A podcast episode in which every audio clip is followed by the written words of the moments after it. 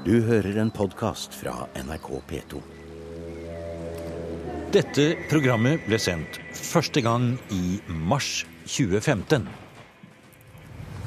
De kalte dem rånager, de grønnkledde. Og engelskmenn det hadde de, kalte de for solopeter, øypeter. Et kodespråk som samiske grenseloser brukte under krigen, er det Oddmund Andersen forteller om her. Kodespråket ble brukt i Tysfjord i Nordland. Herfra gikk en av de mest farefulle og strabasiøse rutene over til Sverige. Ja, altså, altså Først bare kan du tenke deg at hvis du starter ned med havet her, og du ser de her fjellene her Ja. eh, Først skulle du faktisk 600 meter rett opp på fjellet. Enormt strevsomt og for å bare komme seg opp på fjellet. Og så var det å komme seg forbi de tyske vaktene. fordi at inne i fjordene så gikk det jo tysk vakthold. Og de patruljerte langs grensen. Så det var om å gå forbi de her tyske vaktene uten å bli oppdaga. Oddmund Andersen er seniorforsker ved Arran Lulesamiske senter i Tysfjord. I flere år har han og historiker Marianne Neland Solheim og professor Jens Ivar Nergård dokumentert grenselosingen fra Sør-Troms til nord i Nordland. I museum i dag skal vi treffe tidsvitner, og vi skal høre om den helt spesielle grenseloshistorien innerst i den mektige Tysfjorden. De fleste losene her var samer, og de opererte i et uhyre krevende terreng. Etter den betydelige krigsinnsatsen, hvor nærmere 3000 flyktninger ble hjulpet over til Sverige, ble losene mistenkt og etterforsket for landssvik av norsk politi. De etterlatte venter fortsatt på at staten skal kjenne disse påstandene døde og maktesløse. Men først tilbake til Oddmund Andersen, som tar oss med den siste biten over grensa til Sverige.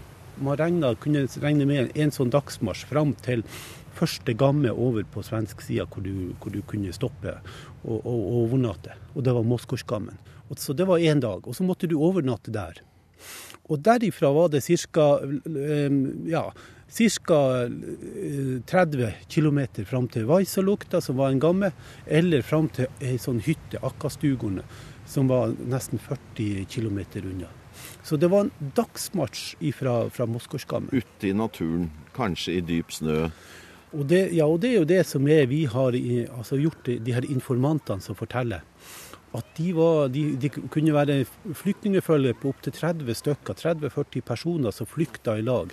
Og det var gamle folk, det var unger, de kunne være fem-seks år. Og de hadde som oftest ikke ski. Og la oss si at de flykta i oktober. Da måtte de gå grunne over i, eh, i snøen Ja. for å komme seg fram til Grunne det er å gå i vassig snø, det. det å vasse i snøen. Ja. Så det, var, eh, det må eh, ha vært Og vi har jo noen historier som forteller om at eh, en, som var barn, som fortalte Altså, de fikk bare beskjed om å følge sporene til de voksne og gå etter dem og bare gå. Altså, det var det eneste. Så de hadde jo feilberegna med mat. Sånn at de gikk jo fri for mat. For de var jo, folk var vel kanskje ikke klar over hvor langt det var. Nei, for hvor langt var det fram til egentlig det stedet hvor de kunne si seg berga, da? Ja, altså i utgangspunktet altså fra 44, slutten av 44-45, hvis du kom fram til Vaisalukta til, til Akkastugene, var du vel stort sett berga. Men før det så kunne Altså, du måtte nesten helt fram til, til eh, militærstasjonene i Svorva, som var faktisk Fra Moskosjagammen var det to dagsmarsjer unna. Flere mil Flere uendelig i, i villmark. i villmark. Var det noen som omkom underveis? Ja, det er noen historier både her i Tysfjord og på ruten fra Sørfold, altså hvor folk eh, faktisk ikke klarte å gå helt fram. At de frøs i hjel underveis.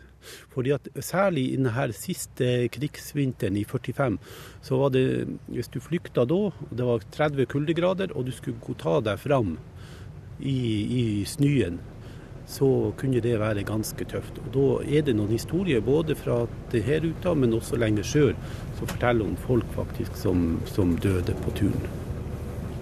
Ja, nå er vi en liten flyktningetransport. Vi òg. Nå skal vi inn fjorden, og vi har fått følge av tidsvitne Inga Karlsen, som skal ta oss med til hennes eldre bror Mikael Urheim. Til den lille veiløse bygda Musken. Begge var små barn under krigen og opplevde mye i forbindelse med flyktningene og losingen. Skyssmannen vår nå er Hans Mikkelsen. Så fint vær, da. Ja. Det er jo ikke alltid det er, ikke alltid det er sånn. Nei, det er bare i dag. Det er bare i dag. Ja, flott. Det er bestilt.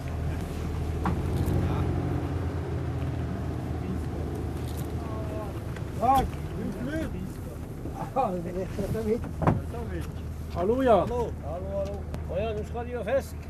Ja, det var ikke verst. Velkomstkomité. Ja, han støt på forliset. Var det forrige uke jeg fått i år? Hvem kan si meg noe kort om det stedet her, da? Der har du sjefen i musken. Det er sjefen i Musken. Nei, det er det nå ikke. Hva skal jeg si? Nei, du får bare fortelle hva dette stedet er. Hvor mange bor det her? Nei, nå er vi ved knapt 30 stykker. Så det er nok. Vi har det bra her, sånn som det. Du ser jo, nå er det vår og kjempe. Fra nå av og til høsten så har vi det kjempefint. Ja. Senhøsten. Da får dere nå bare bo hvor dere bor, men vi bytter ikke. Du, nå troner det fjellet bak her opp. Fantastisk, altså. Med, med ny snø på. Det ser sånn rimfrostaktig Ja, ja, ut. Hva heter det fjellet? Vet dere Eh, nei, det er, nei, de kaller det for, bare for Muskenfjellet. Ikke Ja. vet jeg hva. Det jeg har ikke aldri hørt om noe spesielt navn på den her. Nei. Og Her er skolestua du gikk på. Ja da. Der, der er slyndreloft. Vi hadde to slyndreloft, som de kaller for da. Ja. Ja, du ser jo de Ja. takene der. Ja. Og der var vi en gang under krigen var vi 21 stykker på ett av de der rommene der. Og da kan du tenke deg til. For at folk fra Hulløyneset og Oddmund, de, de måtte flytte hit. et. De var her. Og hvordan hun klarte det her, eh, eldre dame, med oss, det er nå òg noe å tenke på i dag. Vi hadde ikke Det var utedo og å vaske seg i vaskefat og bade i en balje. Opptil flere stykker i samme vann. Og sånne ting. Men vi hadde det godt. Men uh, under krigen, var, det, var du her da? Ja visst. Jeg begynte jo i uh, um, så Jeg begynte i 42 på, i skolen her, Ja. under verste krigstida. Men uh, da rodde far oss fra Helmobotn og hit. Tre og en halv time roende. Sommer som vinter. Så vi satt i bakskottet inntulla i, i saueskinn mens at far rodde. Eller de rodde. Men av og til så måtte vi opp for å ro og for å holde varmen. Nei, men det er nå blitt mennesker og så. Ja. Til de grader. Ro i tre og en halv time, ja. Ja. Men det var jo sånn. Det var hvis det sånn. var fint vær, det da, kanskje. Nei, hvor i verden? Fint vær.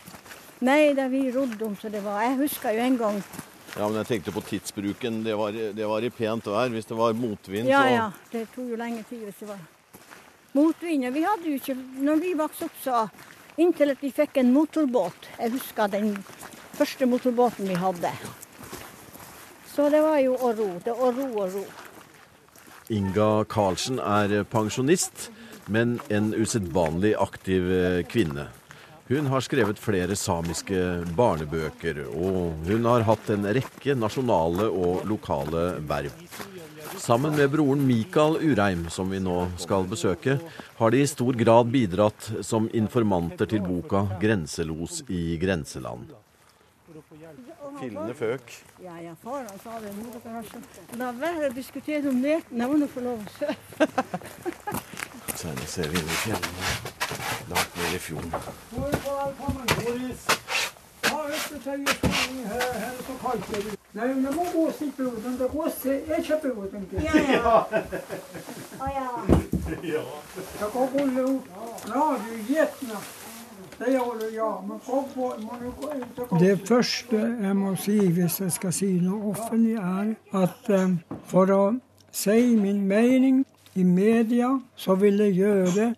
som min gamle onkel Anders Mikkelsen Helmobotn, som var grenselos.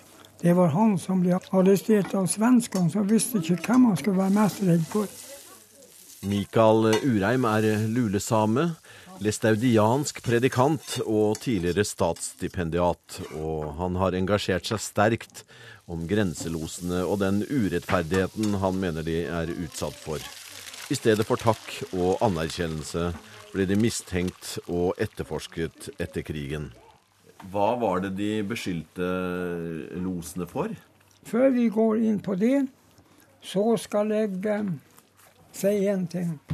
Du spør meg om akkurat det som er tankestoffet i denne saken, nemlig forsvar av, av grenselosene, flyktninghjelperne og eh, den hele den samiske befolkningen. Forsvar mot beskyldningene. Jeg velger en annen synsvinkel. Tenk en fjord med mange armer. Der gikk flyktningene opp. De fleste fra denne Helmofjord, der vi befinner oss. Mm. Og opp fra en plass som heter Nordbukt. Og 3000 har gått over. Alle de her Tysjåsamene. De greide å holde hemmelig alt. Og Ragnar Ulstein, som har skrevet den boka, han skriver det var ingen kommune som kunne holde på sine hemmeligheter sånn som tysk gjorde. Ungene og alle. Og jeg, det som jeg vil si, det er en fantastisk jobb som er gjort. Ingen flyktning. Ingen los ble tatt. Det er en fantastisk krigsinnsats. Og så brukte vi det lulesamiske språket på samme måte som amerikanerne brukte navajo, indianerne. Og her i vinter døde den siste, siste kodesnakkeren. Ja, Som, som hadde utvikla det egne språket? Ja, det var Hallo? Hallo? Ja? Ja? Du, kan jeg ringe tilbake? Jeg var litt opptatt nå. Jeg har besøk. Og var vi kommet langt. Ingen ble eh, tatt, og de var flinke til å holde munn her. Eh, og ja. gjorde en fabelaktig krigsinnsats. Og det her er en fantastisk Det er krigsinnsats. Nå, altså eh, Vi brukte ikke våpen.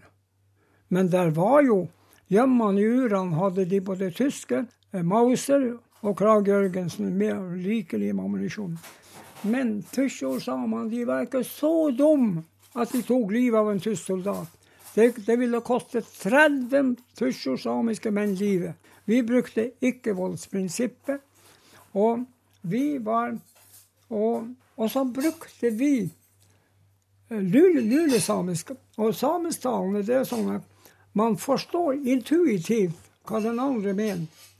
Og vi snakka og det har aldri vært snakka så rent samisk uten lånord, svenske eller norske lånord, som under krigen. Vi holdt tett, og vi, og vi brukte kunster og knep. Et av ankepunktene mot eh, losene var at de ikke loset flyktningene langt nok. Dvs. Si langt nok inn i Sverige. Det å ikke få lo De losa ikke langt nok. Jeg har jo henvist i stad til at svenske militære burde jo ta imot langs grensen. Ja. Men her venter man det til Vaisalokta, 31 km østover fra grensen.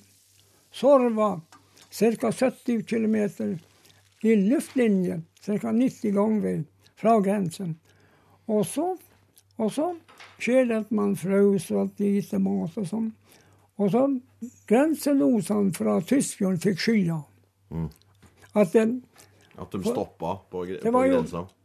Så vidt jeg vet i verdenshistorien, i hvert fall i Europa, så er det noe unikt at man forlanger at loser, altså motstandsfolk, krigsdeltakere, skal gjøre noe 90 km gangvei inn i et nøytralt land. Det er deres ansvar. Mm. Det er noe enestående.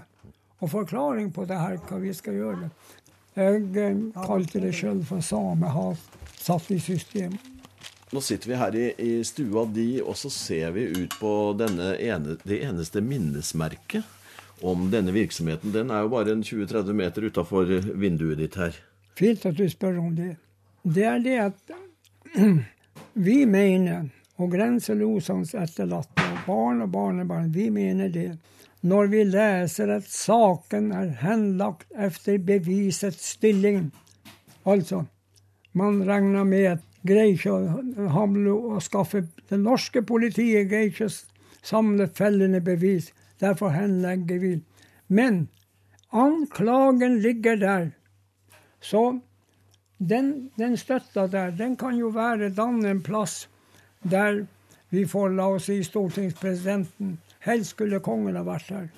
Men politiets overordnede, justisministeren, krever vi skal beklage og si det at de anklagene som er satt fram av det norske politi etter krigen, skal herved kjennes døde og maktesløse fra denne stund. Ja, vær så god. Det er kokt egg. Og så litt salt oppi og sånn. Å, du verden. Jeg hadde tenkt å koke fisk og potet, men jeg syntes det ville ta så lang tid. Kjøkker den da, Og hadde slett ikke tid å snakke med dem. Det var et stort nærvær av, eh, av tyske soldater i, i dette området. Så hvordan de da greide å gjennomføre disse uh, losingene uten å bli uh, tatt. Ja, det er jo helt utrolig. Altså Bare for å gå inn i Helmofjorden. De starta jo i altså Først undersøkte tyskerne de her forholdene her og trodde jo at det var ingen som var gal nok til å tørre å flykte over de her grensefjellene. Men så fikk de fra 42 fikk de rapporter på at folk faktisk reelt flykta over grensen, sånn at de begynte å organisere sånn, et vakthold langs grensene. Og her i Tysfjord var det jo 150 mann på det meste. Eh, som, og de patruljerte mellom de her fjellområdene. Eh, sånn at vi, nå har vi jo videreført det grenselosprosjektet og registrerer i kulturminner knytta til krigen.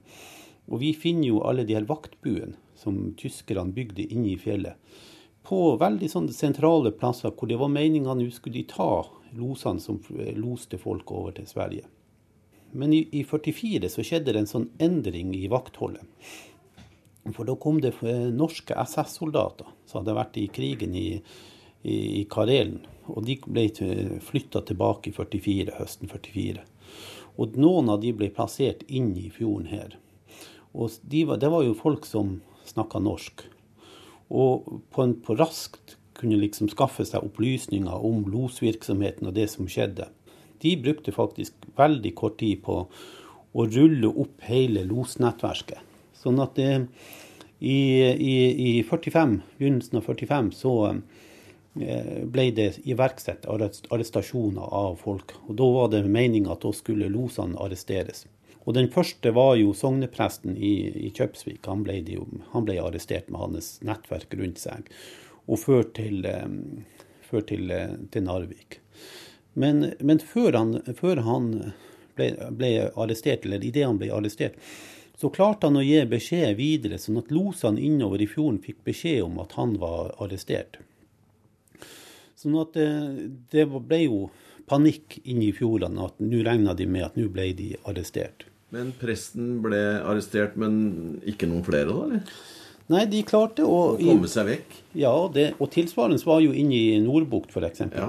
Der de rømte de, de slakta ned all buskapen og rømte over, alle sammen over til Sverige. Og kom på den måten unna tyskerne. Og der var det jo en ut Tyskerne kom jo til dem. Og han Ivar Pedersen, som er en av de sentrale losene, har jo sagt at han var veldig, de hadde var redd for at tyskerne skulle følge etter dem. Så de hadde underveis på flukten over til Sverige, så plasserte de ut patroner som de merka godt for å fortelle tyskerne at de hadde gevær med seg. De ville forsvare seg hvis de, hvis de kom etter dem. Så på den måten så rømte de over til Sverige. I hvilken grad var dere i kontakt med enkeltflyktninger som kom, eller folk som skulle ha hjelp med losing? Vi var, vi var jo midt i forberedelser og, og gikk ærend for mor og far når de skulle ordne med klær og sånn her til mistcellet. Det er til folk. Ja. Og det med mat og alt mulig. Vi var var nok ikke, det var ikke nervepirrende, da? Nei, det var ikke det. Men egentlig så vi forsto vel ikke. Det var jo Hovedsaken var jo for oss å berge folk. Ja. Å være nede, og når det var folk oppe på loftet, å være nede og passe på. og varske. Ja. Og, og gå og spionere om det kom noen fremmedfolk. Det var vår jobb. Og så lytte hvordan folk prata, og, være forsiktig hva man sa når man traff fremmedfolk. Um, vi ble så gira oppi det her. Det var liksom vår hverdag, det her. Ja. Nå går vi utover brygga her og ser Musken i all sin prakt. Så ser vi borti innseilinga til Hva heter den båt, båten igjen? Båten, Helmbotn. ja. Hvor du, Ja. dere kom fra. Ja. Kom roende rundt neset der borte, da. Akkurat. Ja. Der. Ja, vi har Det var Vi eh, Vi har hatt en flott barndom. ja. Det må jeg bare ærlig si, altså. I forhold til mange andre rundt omkring. Det og den, og den barndommen der, den har gitt grunnlaget til oss, vår familie, mine søsken. At vi er sånn som vi er.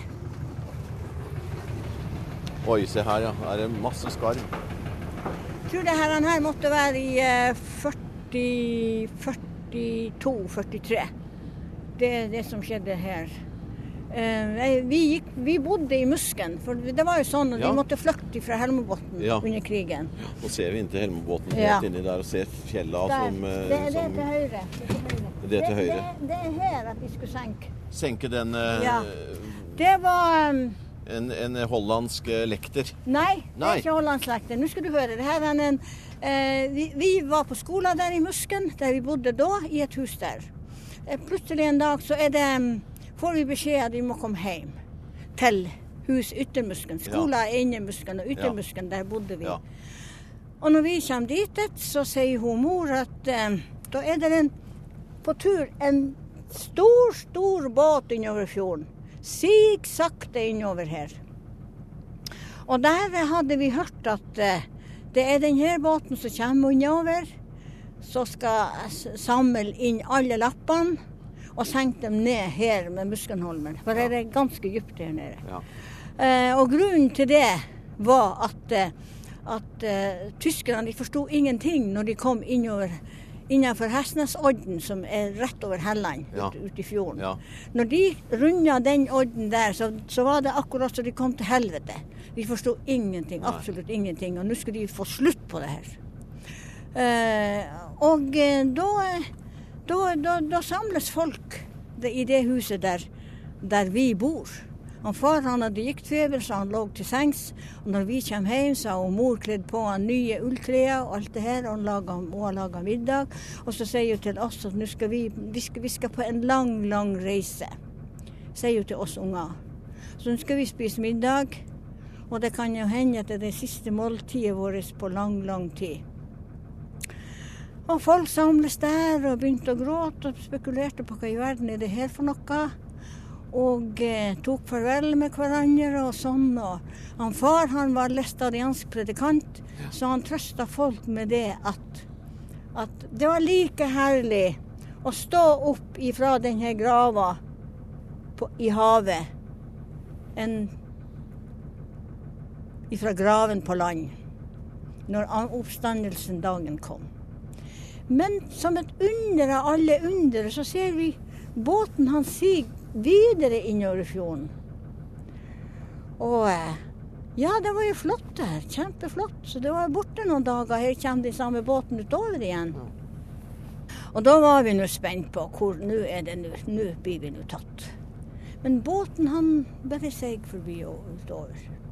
Og etterpå, da, da, da forteller de her han vaktsoldatene i Helmbotn Det var- en terrboven som var der inne og inspiserte vaktpostene der. Oi, oi, oi. Ja, det var det. Så terrboven har vært der inne. Men det skapte angst, selvfølgelig. Ja, det, det klart det skapte angst for det her. Det har vi jo blitt trua med. Det var nesten så det var holocaust. Ja. ja. Det var den historien. Vi forlater eh, Musken og setter kursen ut fjorden mot Drag.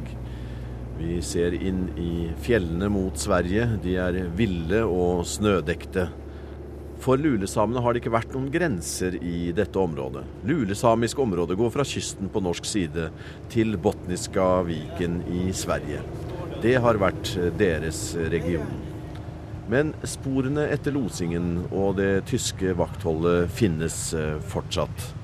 Det finnes veldig mange av, av sporene knytta til vaktholdet som tyskerne særlig etablerte her i fjorden.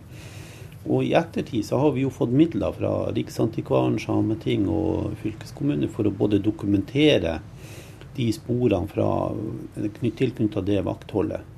Men i tillegg så har vi tenkt å bruke det i sånn verdiskapning. Altså Vi skal sette opp skilt og fortelle om om de, den krigshistoria langs de her grenselosruten.